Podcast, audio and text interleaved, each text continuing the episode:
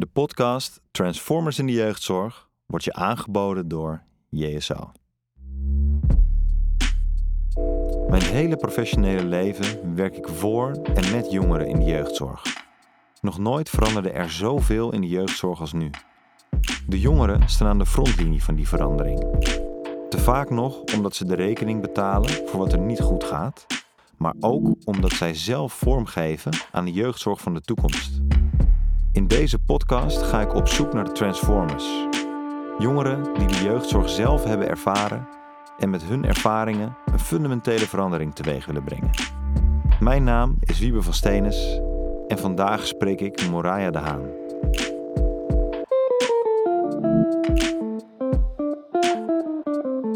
Nee, Moraya, welkom. Ja, dankjewel. Wat leuk dat je er bent. Vind ik ook. Ja. Wil jij vertellen wie jij bent? Dat wil ik. Ik ben Moraya de Haan en ik ben 21. Ik ehm, woon in Amsterdam. En ik doe nu een opleiding social work. Die weer ehm, eigenlijk met aanleiding omdat ik zelf ook in de jeugdhulpverlening heb gezeten. Ja. En ehm, ik ben heel erg benieuwd achter de schermen, zeg maar. Hoe dat daar gaat en of ik later eventueel die rol op me wil nemen. Ja. Wat geweldig. Wat is je eerste gevoel? Je zegt, kijk je achter de schermen. Dat doe je nu ook al. Ja. Ehm, ingewikkeld is mijn eerste eh, gevoel. Want je hebt met zoveel meer te maken dan alleen met de jongeren.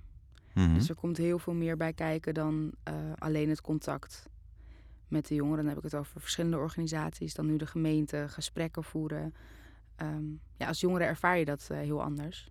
En ik had zelf eh, het gevoel dat gaf de verantwoordelijkheid eigenlijk aan mijn begeleider. Ik dacht, daar ligt de verantwoordelijkheid of diegene beslist. Maar daar zit nog een heel team achter en nog heel veel meer mensen.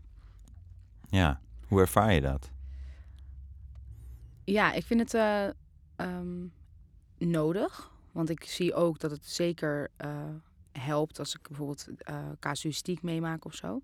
Dan zie je dat iedereen vanuit een andere expertise kijkt, andere ogen, andere ervaring. Ehm, dus dat helpt om een scherper beeld te krijgen en om een best aanbod te kunnen vinden voor de hulpvraag. Maar daarnaast ook heel veel eh wrok als de samenwerking dus niet zo goed loopt. En dat je, als je niet goed samenwerkt, ehm, is het bereiken van het doel ja, veel ingewikkelder. Dus daarin zie ik wel terug dat samenwerking echt nog veel beter kan. Ja, waar merk je dat dan in bijvoorbeeld? Dat eh, dingen lang duren, dat iedereen op elkaar aan het wachten is. En ondertussen ja, ben je bijvoorbeeld als trajectbegeleider degene die de boodschap moet leveren bij de jongeren. En terwijl jij ook machteloos staat. Dus dat er wel veel meer mensen machteloos staan dan, ehm, dan, dat, ja, dan dat je doorhebt, zeg maar. Dat je, dat, dus daar gaat ergens nog iets, iets, eh, iets mis. Ja. Dat vind ik nog heel interessant, waar dat dan op stuk loopt. Ja. Eh, Heb je daar al een beginnend beeld bij? Communicatie. Eh, zeker communicatie, transparant en helder. Ehm, want er is ontzettend veel. Als ik dan spreek over Amsterdam, en daar kom ik zelf vandaan, ehm, dan is er ontzettend veel aanbod. Maar heel vaak weten we niet van elkaar wat we eigenlijk aanbieden. Waardoor ehm, je soms met omwegen toch weer bij elkaar terechtkomt. Ehm ook een stukje vertrouwen en eh, verantwoordelijkheid. Wie heeft welke verantwoordelijkheid? En waar doe je het uiteindelijk voor? Ehm, daarom zeg ik ook altijd, staan de neuzen dezelfde kant op. Weet je waar je heen wilt met elkaar? En ik denk dat daar, ehm, daar gaat tijd in zitten, ook in het samenwerken. Maar ik denk wel dat je daarmee sneller het eindresultaat behaalt. En tijd is geld, dat begrijp ik. Maar ehm, anders ben je ook heel lang bezig met iets en bereik je nog steeds het doel niet. Dus als we het dan hebben over preventie, dan denk ik dat daar nog wel Ja. Wat aan kan veranderen. Ja. Nou ja, iets wat je net zegt, want er is zoveel aanbod in Amsterdam. Dat Ja. komt natuurlijk ook omdat er heel veel mensen in Amsterdam wonen. Heel veel jongeren ook zijn die eh, hulp nodig hebben. Of waarvan gedacht wordt dat er hulp nodig is. En jij bent daar één van geweest. Klopt. Eh, kan jij eh, mij meenemen door, je, door jouw leven? Wanneer ben je geboren en waar? Nou, ik ben in Amsterdam geboren in 1998. Ik ben nu 21. En eigenlijk kwam ik er laatst achter dat ik al op hele jonge leeftijd een keertje uit huis was geplaatst. Ehm, Wat is heel jong? drie maanden. Dat is inderdaad heel jong. Ja, en ehm, nou, ik heb altijd wel te maken gehad met instanties en met redelijk eh, onstabiele thuissituatie. Ehm, en dat is eigenlijk ja, zo doorgegaan tot ik eh, echt uit huis werd geplaatst en dat bewust heb meegemaakt. Eh, toen was ik elf. Eh, toen woonde ik eigenlijk al bij een familievriend in plaats van bij mijn moeder. Mijn moeder heeft ons alleen opgevoed. En ik heb een broer en een broertje. Ehm, en ja, wij zijn eigenlijk met z'n... ehm, eerst dus mijn broer en ik samen met mijn moeder een hele lange periode. En toen werd ik uit huis geplaatst. En toen was ook mijn broertje geboren. En toen, ja, toen kwam ik eigenlijk echt, eh, echt een hele andere wereld. Toen Hm. veranderde er heel veel. Ja, want uit huis geplaatst. Eh, Ja. Je was elf. Ja. Wat was de aanleiding? Op dat moment wist ik het niet. Ehm, en kon ik in ieder geval niet concreet zeggen dat is het. Ik wist eigenlijk alleen dat ik het was. Dus ehm, ik zal mijn leven niet vergeten, dat gevoel ook wat ik had toen ik op die crisisopvang zat. Ehm, dat ik brieven schreef naar mijn moeder. Het spijt me dat ik niet hard genoeg mijn best heb gedaan om dit te voorkomen. Ehm, want toen was mijn broer en broertje waren ook uit huis geplaatst. Uh, maar dat was dus tijdelijk. En ik heb die brieven ook nog wel eens teruggelezen. Was op spiritpapier. Hm. En eh, eh, toen schreef ik: Het spijt me dat ik. eh, en dat ik het niet kon voorkomen. En ik voelde me heel verantwoordelijk voor eh, alles wat er mis was gegaan. Het voelde als jouw schuld. Heel erg. En dat heb ik eigenlijk mijn hele leven met me meegedragen. Dat ik de aanleiding was. Maar als je mij precies zou vragen wat ik dan verkeerd deed, heb ik daar tot op heden nog geen antwoord op. Nee. Nee, maar het is wel gebeurd. Ja. En eh, met, met, met de kennis van nu, eh, kan je nu wel plaatsen waarom dat toen is gebeurd? Ja, als ik nu, eh, nu kijk ik dan terug en ik ben ehm, in totaal in zeven jaar ben ik 15 keer verhuisd. Dus ik heb op hele verschillende groepen gezeten. Ja. Ehm, als ik nu terugkijk, dan weet ik, althans nu ik er dus achter ben gekomen dat ik ook vanaf mijn drie maanden al een keer uit huis ben geplaatst, kan ik wel de schuld. Ik, spreek, ik wil niet van schuld spreken, maar zo heb ik het altijd naar mezelf toegetrokken. En nu kan ik dat wel iets meer van mezelf af, eh, afhalen. Hoe noem je dat? Eh, iets, ja, iets Ja. verder wegleggen. Dat ik niet de schuld bij mezelf meer wil neerleggen. Omdat ik gewoon denk dat het de thuissituatie was niet ideaal om in op te groeien. En ik wil niet van schuld spreken, want mijn moeder heeft ook ehm, blijkbaar niet de hulp gekregen die zij nodig had om het wel te kunnen doen. Maar als je als drie maanden, ja, dan vraag je eigenlijk alleen om, om liefde, om, eh, Ja. eh, Om eten. om eten. En je huilt. en misschien Mm. kan je een beetje lachen. Maar eh, wat kan je dan verkeerd doen? Dus dat heeft me wel geholpen om het ehm, met een andere bril te gaan bekijken. En toen Ja. heb ik ook in het netwerk meer eh, gevraagd van... ja, hoe heb jij mij eigenlijk ervaren? Want ik wilde heel graag feedback hebben om ergens te kunnen landen van... wie ben ik eigenlijk? En, en Ja. wat, wat is er eigenlijk allemaal gebeurd de afgelopen tijd? Want ik heb op heel veel verschillende groepen gezeten... en daar werd enigszins bevestigd dat ik schuldig was aan iets en dat ik een probleem was. Want zo wordt er dan naar je gekeken. Jij bent een probleem, want jij kan niet thuis wonen. Terwijl- naar Ja, ja, dat dat zo gevoeld heeft voor je. ja dat was en misschien niet, ook wel eh, echt zo gezegd is. Ja, ik, het is echt een bepaald gevoel die echt in je, ja, die gewoon, eh, die je wel, het is een soort onderstroom die, die ik denk ik nog wel mijn hele leven lang op bepaalde momenten zal gaan voelen. Dat je niet, niet zeker bent van je bestaan. Dus mag ik er zijn? Ben ik niet te veel? Ja. Ehm, omdat, omdat je dat zo hebt, ik heb dat zo ervaren, dat ik in alles niet zeker wist of ik oké, of het oké was dat ik er was, of iemand mijn aanwezigheid eh, wel of niet prettig vindt. Ehm, en dat, is, dat neem je op een gegeven moment mee in heel veel dingen. Dat wordt een soort patroon ook hoe je gaat handelen. Ja. En daarom ehm, vind ik het ook zo interessant om nu in de hulpverlening ook te zien hoe er dan omgegaan wordt met jongeren of gegevens van jongeren. Of hoe kijkt men eigenlijk naar iemand die ja, een probleem heeft. Heeft iemand wel een probleem of komt het gedrag ergens vandaan? Ja. En waar komt het dan vandaan? Zijn het eh, net als een gezin? Ehm, je, je komt dan ergens binnen bij een gezin waar het niet allemaal functioneert zoals je zou willen. Maar wie bepaalt wat perfectie is? En kan je dat vragen? Wat is perfectie voor jou? Is dat ook, ziet het gezin dat ook zo? Of veiligheid, het is een eh, hele mooie term. Maar wat betekent het eigenlijk? Want Ja. iedereen heeft daar een eigen interpretatie. Ja, het, het is inderdaad heel gek dat je het nu van de andere kant ervaart. Dat, eh, ja, wat is goed en wat is fout? Ja. Wat is veilig, wat is onveilig? Het is allemaal arbitrair. En, maar laten we nog even inzoomen. Moraya van Elf, die in een crisisopvang brieven schrijft naar een moeder. Ja. Je was daar en eh, ja, je bent opeens in een hele andere, hele andere omgeving. Met mensen die je niet kent. Een kamer die je niet kent. En ja, wat, wat, wat gaat er dan door je heen? Nou, allereerst natuurlijk dus verdriet en eh, ehm, spijt. Probeer te begrijpen wat er eigenlijk gebeurt. Ehm, vrij weinig bevestiging in de omgeving over waar, waar je eigenlijk doorheen ging of wat er eigenlijk gebeurde. Ik wilde gewoon naar huis. En toen kwam ik ja, op zo'n plek waar andere mensen ineens dingen voor me gaan bepalen die ik helemaal niet gewend ben. En waar, waar, eh, denk, waar denk je dan aan? nou, thuis eh, kon ik om bij wijze van spreken om, om 11 uur nog, nog appelflappen bakken. En, en daar moest ik om 6 uur eten. Dus ehm, Netjes dus- met mes en vork. ja, aan tafel. Ja.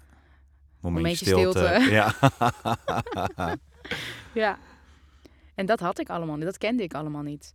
En vooral toen ik uit huis werd geplaatst was... ehm, mijn mobiel was heel belangrijk voor mij. Want dat was het enige waarmee ik... Ik, zei altijd, het is het enige waarmee ik contact heb met de buitenwereld. En dat werd niet geaccepteerd. Die moest je inleveren. Ehm, waar iedereen vast hele goede bedoelingen mee eh, heeft. Of dat structuur. En ik snap dat er ook regels nodig zijn. Maar mijn behoefte was daarin eh, om wel contact te houden met iets wat ik kende. Iets Ja. wat voor mij belangrijk was. Dus ik heb heel veel mot gehad omtrent eh, de telefoon. En ik was ook zeker heel slim. Want ik wist echt prima hoe ik eh, dat stiekem kon doen. Want dan ga je natuurlijk, ja, dan wordt het een soort spel of een soort van Tuurlijk. ontwijken van de regels. Dat is ook op een gegeven moment het enige wat je nog leven geeft of zo. Mhm. Omdat je, ja, Strijden voor, eh, voor wat je wil. ja, Ja. dan is dat het enige wat je zeker weet dat je wil. Hoe lang heb je in de crisisopvang gezeten? Ik ben toen, ehm, dat was heel even, ik denk een paar dagen. En dat was nog een bed die je uit de kast trok Hm. in de vergaderkamer. Ehm, dus Dus je had eigenlijk ook niet eens eigenlijk een echte eigen kamer. Nee, als crisis eh, toen nog niet. Toen ben ik naar een andere groep geplaatst. Ehm, dat was Beter met Thuis, Hm. bij Spirit in Amsterdam. En daar heb ik een tijdje gezeten. Toen ben ik weer, eh, dat was nog vrijwillig dus ook. Ehm, niet vanuit mij, maar als ik dan nu de... Het was niet gedwongen. Nee, Nee. dat was nog eh, met toestemming van. En dat begreep ik al niet, die termen. Ehm, Nee. Ik bedoel, ik zit daar en ik moet luisteren. Dus hoe bedoel je vrijwillig? Ja, en ik wil er helemaal niet zijn. Ik wil Nee. thuis zijn. Ja. Ja. Toen ben ik weer naar huis geplaatst, eh, terug naar huis gegaan. En dat was eigenlijk, eh, ook als ik mijn moeder dan later daar nog wel eens over heb gehoord, was dat geen goede beslissing. Omdat er eigenlijk vrij weinig begeleiding was in mijn terugkeer naar huis. En toen, ehm, toen ben ik, is het geëscaleerd en toen ben ik eh, echt uit huis gegaan. Waardoor ik ook nooit meer terug ben gekomen. En het escaleren, kan je daar iets over vertellen? Ja, ik heb altijd zelf op een gegeven moment begrepen hoe mijn gedrag zich ging uiten.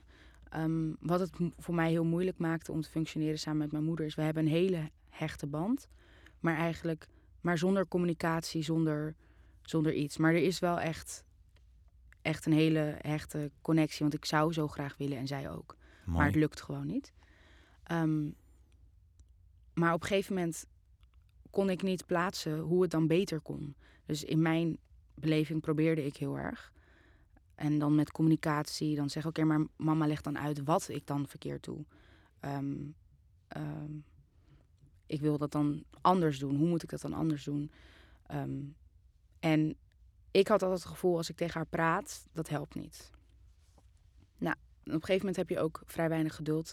Ga ik schreeuwen, dat helpt ook niet. Dan word je agressief en gefrustreerd van... Uh, hallo, luister nou. Weet je, op het ene moment mag ik om 11 uur appelflappen bakken... en om vijf over elf moet ik naar bed. Um, ja, dat was voor mij heel verwarrend. En dat vond ik heel moeilijk om mee om te gaan. En er was ook bepaalde problematiek vanuit mijn moeder zelf. Um, er speelt ook alcohol een rol. Dus dat, um, ja, dat allemaal bij elkaar was in ieder geval niet heel duidelijk voor mij wat, ja, geen vooruitgang. En ik merk nu in mijn hele persoonlijkheid dat ik altijd wel een soort van vooruitgang wil zien en wil weten hoe dan. Als ik dat dan doe, daar word je voor beloond. Dus een redelijk structuur. Daar had ik wel behoefte aan. Ja. Nou, toen kreeg ik dat ook op de groepen. Um, maar ja, toen is het geïnstalleerd omdat mijn moeder en ik gewoon niet in dezelfde ruimte kunnen zijn zonder gefrustreerd te raken. En we kunnen elkaar, we spreken elkaars taal niet. Um, en ik had ook geen, geen ruimte en um, geduld meer om hiermee om te gaan. Hm. En toen het escaleert. Ja. Uh, en nee, wat gebeurt er dan? Wordt, wordt er een iemand gebeld? Wat, wat, hoe is dat gegaan? Nou, wat ik toen weet is dat er, uh, dat er toen politie uh, aanbelde of zo. En toen werd ik meegenomen. Um, mijn broertje was er toen ook. En mijn broer ook. Maar ik... Um, Jij werd als enige meegenomen? Ik werd als enige meegenomen. En ik heb daar ook een liedje over geschreven toen. Um, omdat ik, ik, ik, ik voelde me echt verraden dat ik als enige weg moest. Ja. En niet wist wat ik dan verkeerd deed. Behalve dat ik, uh, ja, ik werd agressief en ik uitte me uh, op die manier. Maar dan moet je gewoon denken aan uh, duwen, trekken of dat ik gewoon mijn kamer overhoop haalde of zo. Ja. Um, want ik, ik, wist niet hoe ik me moest uiten. Ik, ik wist niet, en ik heb wel temperament. Ik ben uh, half Puerto Ricaans. I'm sure know dat dat ook een deel is die uh, ik van mijn vader heb geërfd. Maar um, ja, dan weet je geen raad meer met, met hoe je ergens mee moet omgaan. Maar ik zal nooit vergeten dat, dat ik de enige was. En dat ik um, toen werd weggehaald daar. En dat voelde wel ook alsof ik hun in de steek liet en zij mij. En dat ik dus niet van waarde was. Dat, ik niet, dat ze me niet zouden missen. En ja, dat diepe gemis, dat, dat, is, uh, dat, is, dat is altijd wel gebleven. En het is ook vaak genoeg bevestigd dat dat voor mij klopte. Ja. Waarin vind je die bevestiging dan? Nou, als ik dan op verlof mocht, dan. Het was niet speciaal dat ik er was. Um, mijn broer zei geen gedag. Um, mijn moeder lag op de bank. Of. Ja, het was. Ik kon naar mijn kamer en dat was het. Dus dat gevoel van thuis, dat heb ik um, nooit echt gehad. Behalve bij mijn kleine broertje. Um, hij is nu tien. Hm, je gaat stralen. Ja. hij is. Uh, ja, daar heb ik ook een liedje over geschreven. Maar hij is echt uh, de reden dat ik nog besta. Dat wil ik echt met zekerheid. Dat, ja. Hij was echt altijd degene die. Um, dan was hij klein, ik zal het nooit vergeten. En we hebben dan heel veel trappen als we naar boven lopen. En dan stond hij daar, Mariah, Mariah. Ja. En dan kwam ik met mijn hele zware verloftas. En dan omhelsde hij me. En overal waar ik ging, was ik wist ik niet zeker of ik er mocht zijn.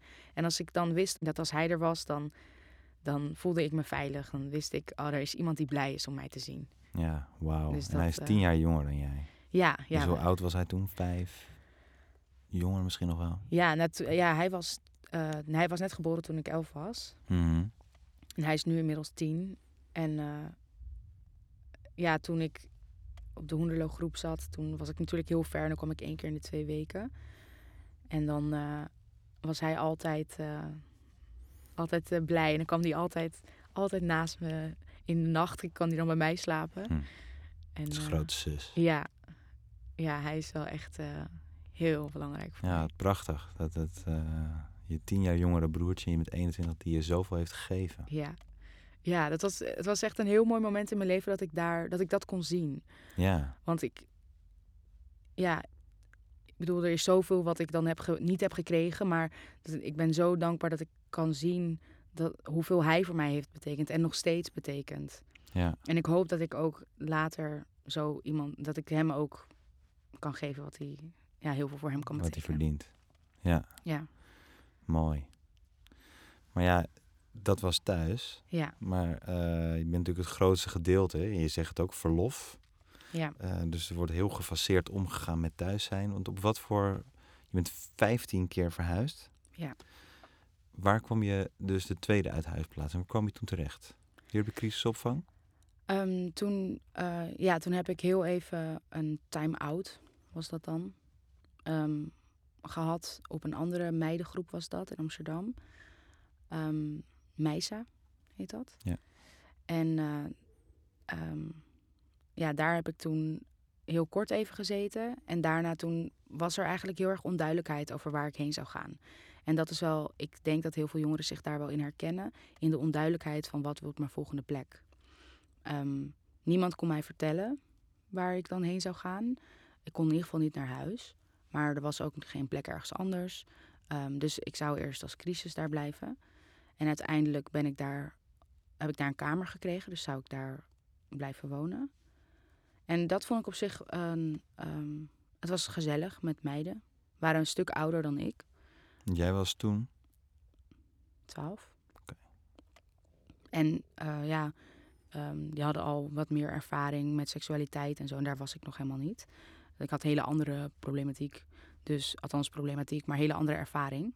Ehm, en dat was een beschermde meisjesgroep.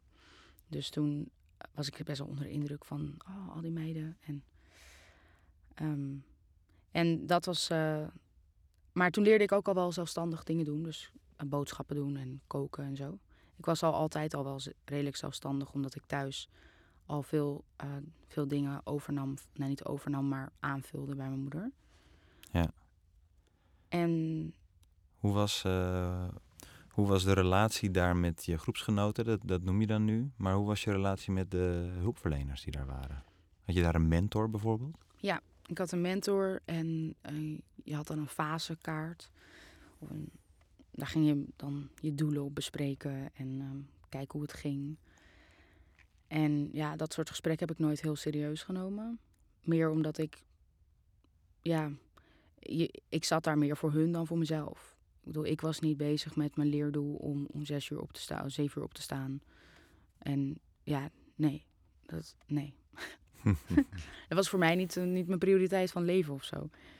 Dus ehm, nee, ik moet zeggen, als ik ook terugkijk naar die hele periode van uithuisplaatsing, is het voor mij ook nog echt een, een, een wazige bubbel aan wat was ik eigenlijk aan het doen? Ja.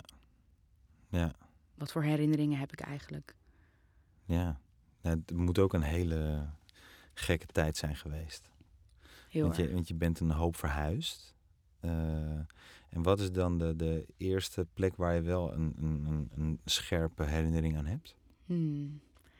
Ehm, dat was bij eh, Henk en Liesbeth Zeevat. Dat waren, ehm, was op de Hoenderloo-groep een eh, gezinsgroep. En ehm, De Hoenderloo-groep. ja, de Hoenderloo-groep, ja. Kun je daar iets over vertellen, de Hoenderloo-groep? Ehm, nou, daar ben ik op mijn... Ik werd toen net 14, toen kwam ik daar. Ehm, en daar heb ik 2,5 jaar gewoond. Eerst op een leefgroep. En daarna ben ik doorgestroomd naar een gezinsgroep. Waar ik het heel erg fijn heb gehad. Dat gevoel van thuis en je wordt gewaardeerd. Ehm, je mag er zijn. Ehm, en dat was echt waar ik... Dat was wel echt een, plek waar ik kon landen, zeg maar. Ja, wat fijn. Ja, Maar ik heeft dus vanaf je elfde en eh, dat je op die gezinsgroep was. Hoe oud was je toen? toen was ik 15. Ja, dus het heeft vier jaar geduurd. Ja. Dat je een plek vond waar je je fijn voelde. Ja. Hoe vaak was je toen verhuisd in die tussentijd?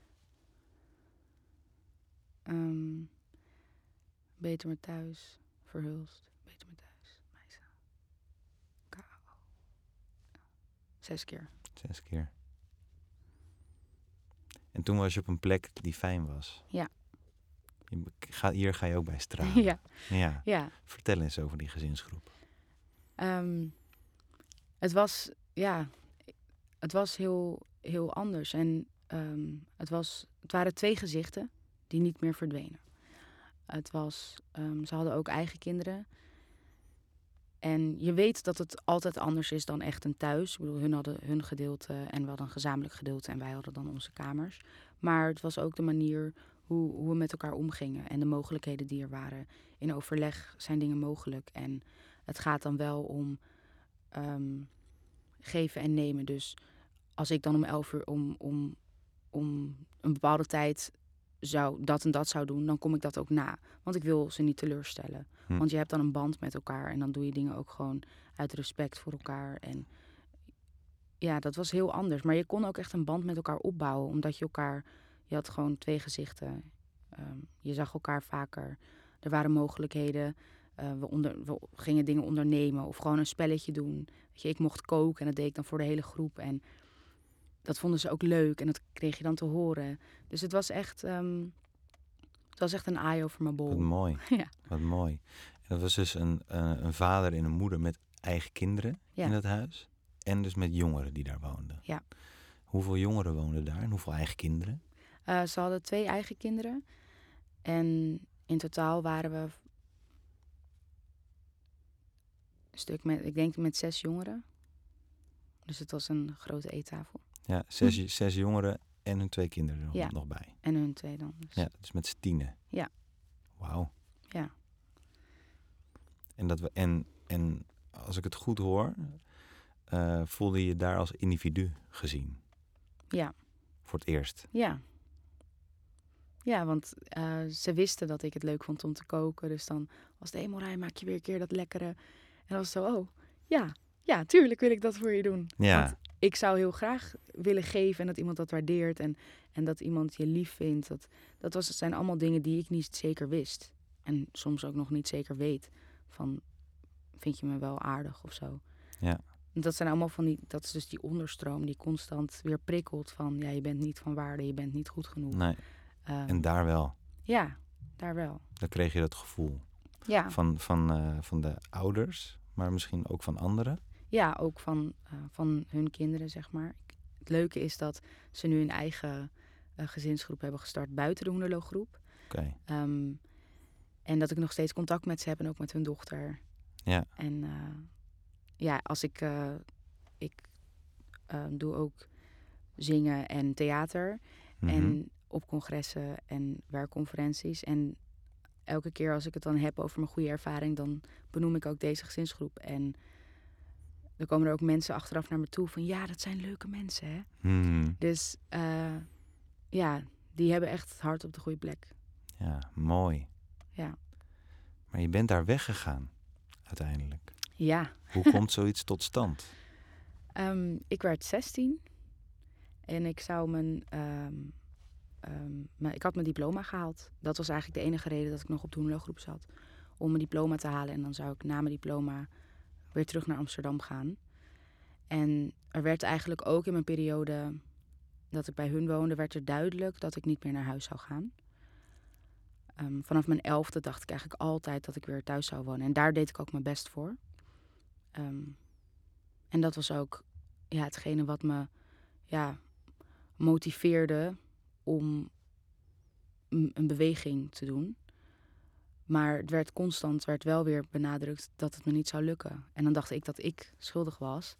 Terwijl het eigenlijk gewoon, iedereen wist al dat het niet mogelijk was. De thuissituatie was gewoon niet goed voor mij. Nee. Dus toen ik bij hun woonde, toen kwam ik erachter van oké, okay, nou ik ga dus zelfstandig wonen. Ik ben mijn hele leven al redelijk zelfstandig. Toen was ik al heel erg zelfstandig. Dus ja, ik vond dat ook goed. Ik vond Ja. dat ook. Toen dacht ik eindelijk, oké, dan kan ik, kan ik iets beginnen voor mezelf. Of weet ik tenminste waar ik naartoe werk. Ja. En dat heb ik dan ook redelijk zelf in de hand. Dus je bent toen van, eh, van, het, van het warme nest, als ik het zo mag noemen, bij de Hoenderloo groep. Wat dus eh, voor de mensen die dat niet weten in het oosten van het land is. Ben je teruggegaan naar Amsterdam? Ja. Op je zestiende? Ja. Ja. En dan ben je terug in Amsterdam. Hoe was dat voor je om er weer fulltime te zijn? Ik miste de vogeltjes in Hoenderloo. Ehm, en chaos. Ja. Dikke, vette chaos. In wat voor zin? Alles. Eh, emotioneel, maar ook eh, om me heen. Hele andere drukte. Ik bedoel, de Hoenderloo groep is een dorp Mhm. waar je alles hebt.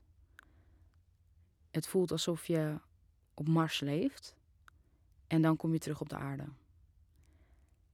En dan moet je dat ook nog begrijpen. Dus waar ik heel erg ehm, had ergens wel mezelf had gegund dat ik daar wat meer begeleiding in had gehad, is ook hoe, hoe zie je de wereld en hoe vertrouw je mensen. Ik bedoel, in Amsterdam en in elke stad dan wel, maar Amsterdam is wel wow. Mhm. Kom je dan als 16-jarig meisje, je komt uit een dorp en je komt in de echte stad en je gaat, hebt je eigen plekje, dus je gaat leren zelfstandig eh, te doen. Dat ging me allemaal prima af. Want theoretisch had ik alles op orde. Zo ben ik altijd al geweest. Eh, theoretisch heb ik alles eh, prima en ik doe wat er van me gevraagd wordt. Maar dat hele stukje van het emotionele en dan nog een studie doen. Ehm, toen ging ik studeren. MBO 4. Welke studie? Je hebt op het MBO SCW, klopt dat? Sociaal cultureel werk. Ja, dat. Dat weet ik. Niet afgemaakt. Ehm, want toen kreeg ik. Ik was daarmee begonnen. En toen kreeg ik echt last van heel veel verschillende dingen. Ehm, ik kwam mijn bed echt niet meer uit. Ik was echt bang om naar buiten te gaan. Ik was heel erg bang voor contact met mensen. En op school werd er best wel veel van je gevraagd. Op tijd komen en dat soort dingen. Gewoon normaal. Maar als je niet goed slaapt en je moet jezelf uit je bed trekken. ehm, was best wel veel. Mhm. Ehm, omdat ik me, me emotioneel heel erg bezet was. Want ik kwam eigenlijk heel ergens anders vandaan. En ik had gehoopt dat het contact met mijn ouders, met mijn moeder beter zou zijn. En dat trok nog aan me. En eigenlijk moest ik heel erg landen. Ja. En dat had ik zelf niet helemaal. Ja, ik kon alleen landen als ik met mezelf was, zonder mensen ehm en mezelf in gesprek. Ja. Dus ik ben toen heel veel gaan schrijven. En ik probeerde wel alles goed te regelen, dus met alles wat iedereen van me vroeg. Dus een gesprek op school, ja, daar zal ik bij zijn. Maar bij het stoplicht mo- moest ik gewoon huilen. En ik wilde gewoon niet rondom mensen zijn. Dus ik had echt last van angsten. En midden op school zal ik ook vergeten dat ik gewoon. Toen kwam ik midden op school, zoveel mensen. Toen rende ik gewoon naar de wc. Toen moest ik gewoon vet hard huilen. En ik kon niet uitleggen wat het was. Nee. Ik had liever een gebroken been gehad, want dan kon je zien, kijk, dit is het. Ja. Maar ik kon niet uitleggen wat het was. Het was een onveilig gevoel en ehm, angst en ook eenzaamheid. Dan ben je ineens alleen. Oud verdriet, nieuw verdriet. En toen, dan ben je ook nog 16 en dan zijn er ineens jongens. Ja. En dan Amsterdamse heb je jongens. Amsterdamse jongens. En dan heb je eh, online. Online is altijd eh, belangrijk voor mij geweest, omdat ik natuurlijk weg was. En dan eh, heb je de mogelijkheid om online in contact te komen met mensen. En dan ben je best wel alleen en dan wil je vrienden maken. Of je wilt de liefde van je leven ontmoeten. En ik was niet voorbereid voor de daden van een ander.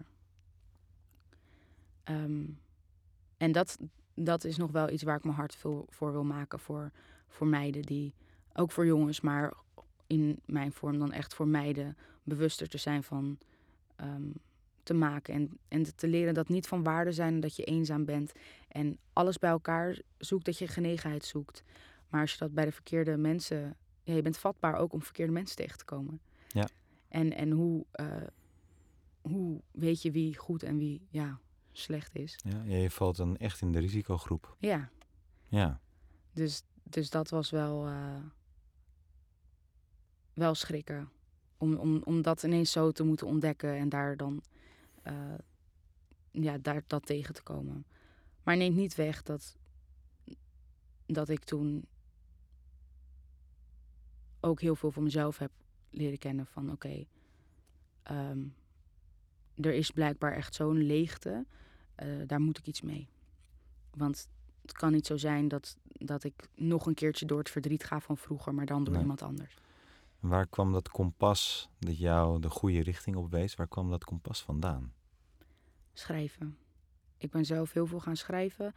En ik ben toen één keer naar een therapeut gegaan, vrijwillig. en toen eh, heb ik helemaal uitgelegd wat ik bedoelde. En ik bedoelde dan, ja, ik zit in een, ik, ik legde dat ook zo uit. Ik zei, ik zit in een zwarte doos en ik zie licht, maar die komt en dan gaat het deurtje weer dicht. Zo probeerde ik dat dan uit te leggen. En ik had vellen vol geschreven met hoe ik dat dan zag. En probeerde uit te leggen wat me dan zo irriteerde of waar ik dan tegenaan liep. Ik voelde mezelf ehm, geobsedeerd met mijn moeder om haar liefde maar te krijgen. Alles was, deed ik voor haar. Mijn hele leven al. Mijn hele leven lang wilde ik goedkeuring van mijn moeder. Dat ze van me zou houden en dat ze me dat zou laten zien. Ehm, dat ik genoeg was, dat ik er mocht zijn. En alle dingen die ik had bereikt, mijn diploma, ehm, ik had mijn rijbewijs gehaald op 17,5. Maar ik was er helemaal niet blij mee. Dus alles deed ik, deed ik voor iets, maar Om behalve leegte voor te vullen Ja. die niet te vullen was. Ja. En dan op een gegeven moment, dan, toen, toen dacht ik echt, nou ja, dit is het dan. Of zo. Zeg maar, heel veel meer hoef ik niet nog te ontdekken. Ik heb het nou wel gezien. Dus, dus het werd een beetje, ik werd echt zo'n zo'n leegte, leeg, ja, leeg. En hoe oud was je toen? Eh, toen was ik, eh, in, dat is echt de periode van eh, overgang. dus van 17 tot, tot 20 ongeveer. Ja. Die periode dat ik echt dacht, nou, ik doe wel gewoon wat er gevraagd wordt. Maar het werd steeds minder. Dus die sparkles in mijn leven, ehm, die. Nee, Die doofde. heel erg. Ja. Maar nu is die sparkle er wel, Nu als is. ik naar je eh, kijk. Dus waar, is, eh, waar, waar heb je dat om kunnen draaien? Ehm, ik denk dat ik een. ehm, dat vroeg laatst iemand ook. Waar komt dan nu deze drive vandaan? Ik denk dat ik zeker heel veel hulpbronnen ben tegengekomen die eh, iets aanwakkerden wat, wat ik ook belangrijk vond. En waar je dan gewaardeerd wordt en dat soort dingen. Dus mijn muziek, ehm, maar ook het eh, theater en expecs, experienced experts. Ehm, al dat soort dingen die, die op je pad komen. En dan neem je zelf de beslissing of je daar wel of niet iets mee gaat doen. En ja, toen ben ik daar wat mee gaan doen. En toen. ehm, ja, dan, dan, dan zie je meer mogelijkheden, een andere soort vibe. Maar die sparkles in mezelf, die beginnen nu pas een beetje te komen, omdat ik. eh, ik had een, eh, een he- heel kort een, eh, een relatie met iemand die me precies hetzelfde gevoel gaf als wat, mijn moeder, wat ik met mijn moeder had ervaren. En toen schrok ik eigenlijk meer van mezelf dat ik weer zoveel om iemand kan geven, maar niet om mezelf. En toen dacht ik, oké, daar zit dus echt wel, daar zitten echt red flags voor mij. En als ik daar niet iets mee ga doen, ga, ga doen, dan ga ik niet me gelukkiger. komen. Ja. Dus dat is constant jezelf afvragen, oké, eh, wat wil ik wel of, of wat wil ik eigenlijk? Wat maakt me gelukkig en wat vind ik dan wel leuk aan mijn leven? En waar wil ik dan heen? Ehm, ja, en met dat soort vragen kom ik dan steeds dichterbij dat af en toe dat ik dan weer even sparkle. Dus dat ik dingen kan zien, zoals mijn liefde voor mijn broertje. ehm, dat ik dankbaar kan zijn voor de mensen die ik wel om me heen heb, in plaats van maar kijken naar wat ik niet heb. Ja. En dan Knap. ja, het is, het is, het- ik vind het soms bijna, misschien is dat ook een oude gewoonte, dat je altijd iets verkeerd moet hebben of iets negatiefs moet hebben in je leven. Maar ik moet er wel bij zeggen, het is, het is wel heel moeilijk om dat constant te hebben. Maar je hoeft het dus ook niet constant te hebben. Het is gewoon fijn als je af en toe weet en vertrouwt op jezelf, dat jij weet wat de beste beslissing is voor jezelf. Ook al is dat niet de juiste beslissing die je had gehoopt dat je ging eh, maken als je na alles wat je doet, je dan afvraagt: oké, wat heb ik hier dan van geleerd? Bekijk je het al heel anders dan dat je tegen jezelf zegt: ja, had ik maar, had ik maar. Ja. Maar dat doe ik nog steeds regelmatig hoor. Dus het is niet dat ik nu alles onder controle heb of zo. Maar het is gewoon een proces van je denkwijze. En hoe ga je om met hetgeen wat op je pad komt. En wat voor betekenis geef je aan, uh, aan, je, aan de gebeurtenissen. Ja, maar als ik je zo hoor, hè, want uh, je begon rond je 17e, 18e die leegte weer te voelen. En, uh, uiteindelijk heb je weeggevoel, je noemt expats, je noemt theater, je noemt zingen. Je bent ook aan het studeren. Ja. Je bent uh, toevallig dezelfde HBO-studie aan het doen die ik, uh, die ik gedaan heb. Ja. Social work. Je, ja, dat heb je, neem ik aan, zelf, die initiatief heb je zelf genomen. Ja. Ja, ik heb dus je hebt toch wel, ergens ja. de kracht vandaan gehaald Ja. om dat te doen. Waar heb je die vandaan gehaald? Ja, dat uh, vind ik een goede vraag. Ik denk dat het heel erg te maken heeft met um, zien wat er wel is. En Tony, dat is een, hele, uh, een heel belangrijk persoon voor mij. Die heeft mijn hele leven lang, is hier altijd geweest. Um, er zijn hele zware momenten geweest waarin ik, wanneer het contact met hem mij ontnomen is. Um, toen ik in de jeugdhulpverlening zat. Waardoor um, ik dat toen niet zo heb kunnen ervaren. Maar nu ik terugkijk, heb ik zeker heel veel mooie mensen om me heen die wel om me geven. Al voelt het nog niet zo, alsof er mensen van me kunnen houden. Um, maar het zit hem ook in hoe, uh, ja, hoe kijk je ernaar en hoe benoem je dingen. Dus toen ik zelf steeds meer oog had voor, voor de mooie dingen en dankbaar kon zijn voor dan wat er dan wel is, ja, dan, dan zie je dat ook veel meer. Dus toen zei Tony ineens tegen mij: Count your blessings. Toen dacht ik, ja, dat zing ik ook altijd mee met liedjes en zo, weet je wel. Mm. Dat is gewoon een.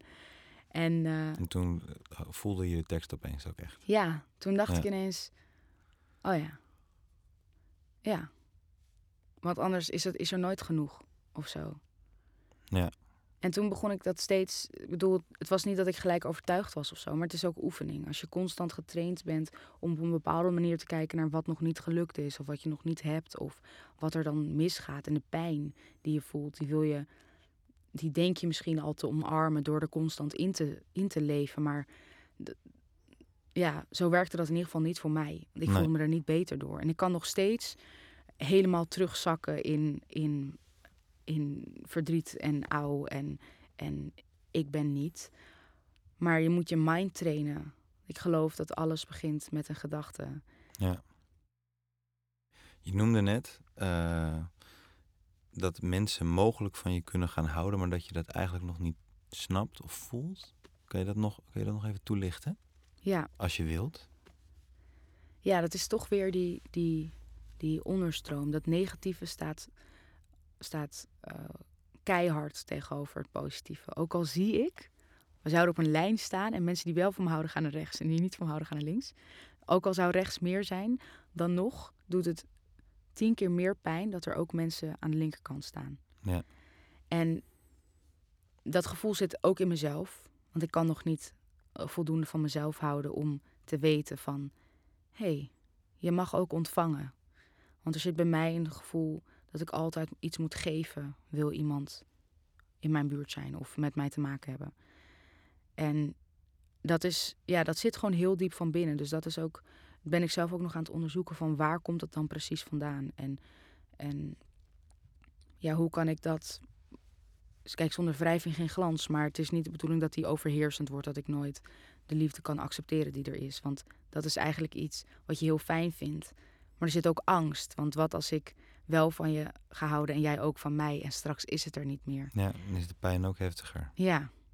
Dus het is, het is bijna, bijna dat ik het niet toe wil laten. Mm. En, en dat herken ik ook wel met heel veel mensen waar ik dan...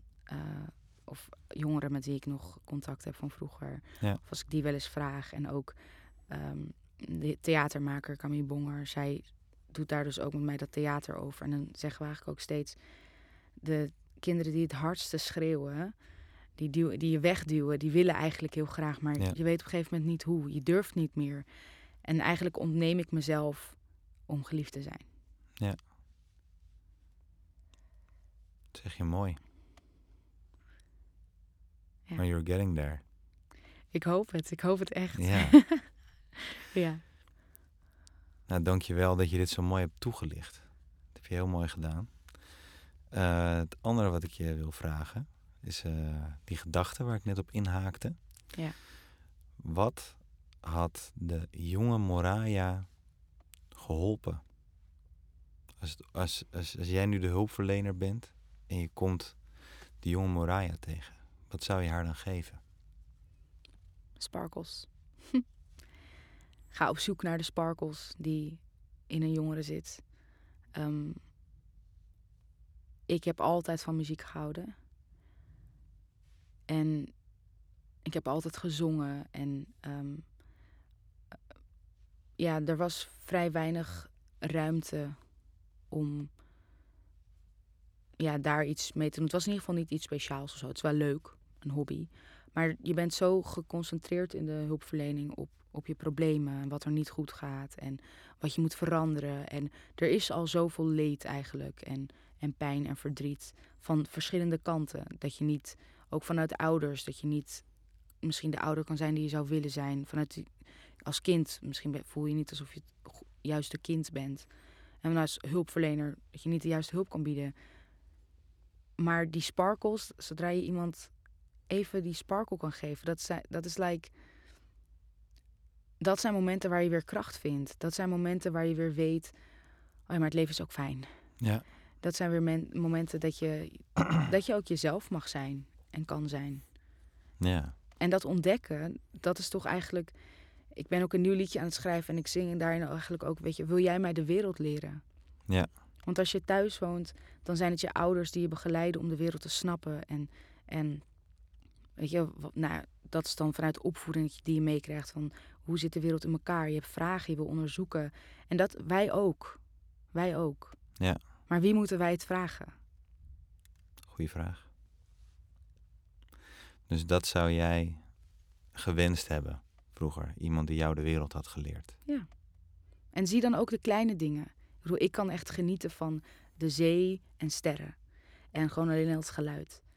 Ehm, maar het zijn ook kleine dingen. Het zijn eh, de wereld leren eh, stilstaan bij, bij de kleinste dingen. Die gewoon, maar die ruimte, die, die is er niet. Want er is alleen maar ruimte voor, voor de dingen die op je fasekaart staan. Weet je? Dat, dus het is, en ik begrijp ook wel de, dat de behoefte vanuit een kind, natuurlijk, is liefde, genegenheid er mogen zijn. En dat is wat je wil dat je ouders jou geven. En de hulpverlening zal dat nooit kunnen geven. Dat is gewoon een feit. Want ze zijn je niet, ouders niet. En je hebt ze niet uit te kiezen. En het is inderdaad eh, wat systematischer en zo. Maar we kunnen wel dichter naar elkaar toe groeien om dat voor elkaar te kunnen zijn. En ik bedoel, als ik nu, mijn broertje is tien. Nou ja, ik zou, ik, en hij zou, ik zou zijn hulpverlener zijn. Dat wil je toch gewoon knuffelen? Hmm. Toch? Dat wil je gewoon plezier laten hebben. Dat wil je toch gewoon laten lachen? Dat is, dat is toch gewoon... En ik, ja, nou ja, ik... ik- Oh, Het is zo mooi eh, als je over je broertje hebt over de, en de sparkle. Nou, dan, dan ja, daar is hij. ja, Ja, mooi. Dus, dus dat is wat jij, hè, als we samenvatten, het leven leren aan Ja. jongeren en op zoek naar de sparkle. ja, Waar ga jij van stralen? En ga daarmee door. ja. Dat is eigenlijk jouw boodschap. Ja, we zijn toch allemaal... Ik bedoel, dat zijn levensvragen die je zelf je hele leven zult stellen. Maar wie ben je en waar word je blij van? Dat, die is moeilijker vast te houden, maar die is zo belangrijk om de rest ook te kunnen vasthouden. Ik bedoel, als je een baan hebt die je niet leuk vindt, ga je met tegenzin naar je werk. En ook al zou ik meer betaald krijgen daar, doe ik liever een job die ik leuk vind, want daar ga ik met plezier heen. Dat innerlijke gevoel van geluk en dat je dingen hebt die je leuk vindt doen, dat is denk ik gewoon de, ja, dat moet de kracht zijn achter de reden dat je doet wat je doet. Absoluut. Ik, eh, ik voel me vereerd dat jij dit eh, hebt willen delen. Dankjewel. Graag gedaan.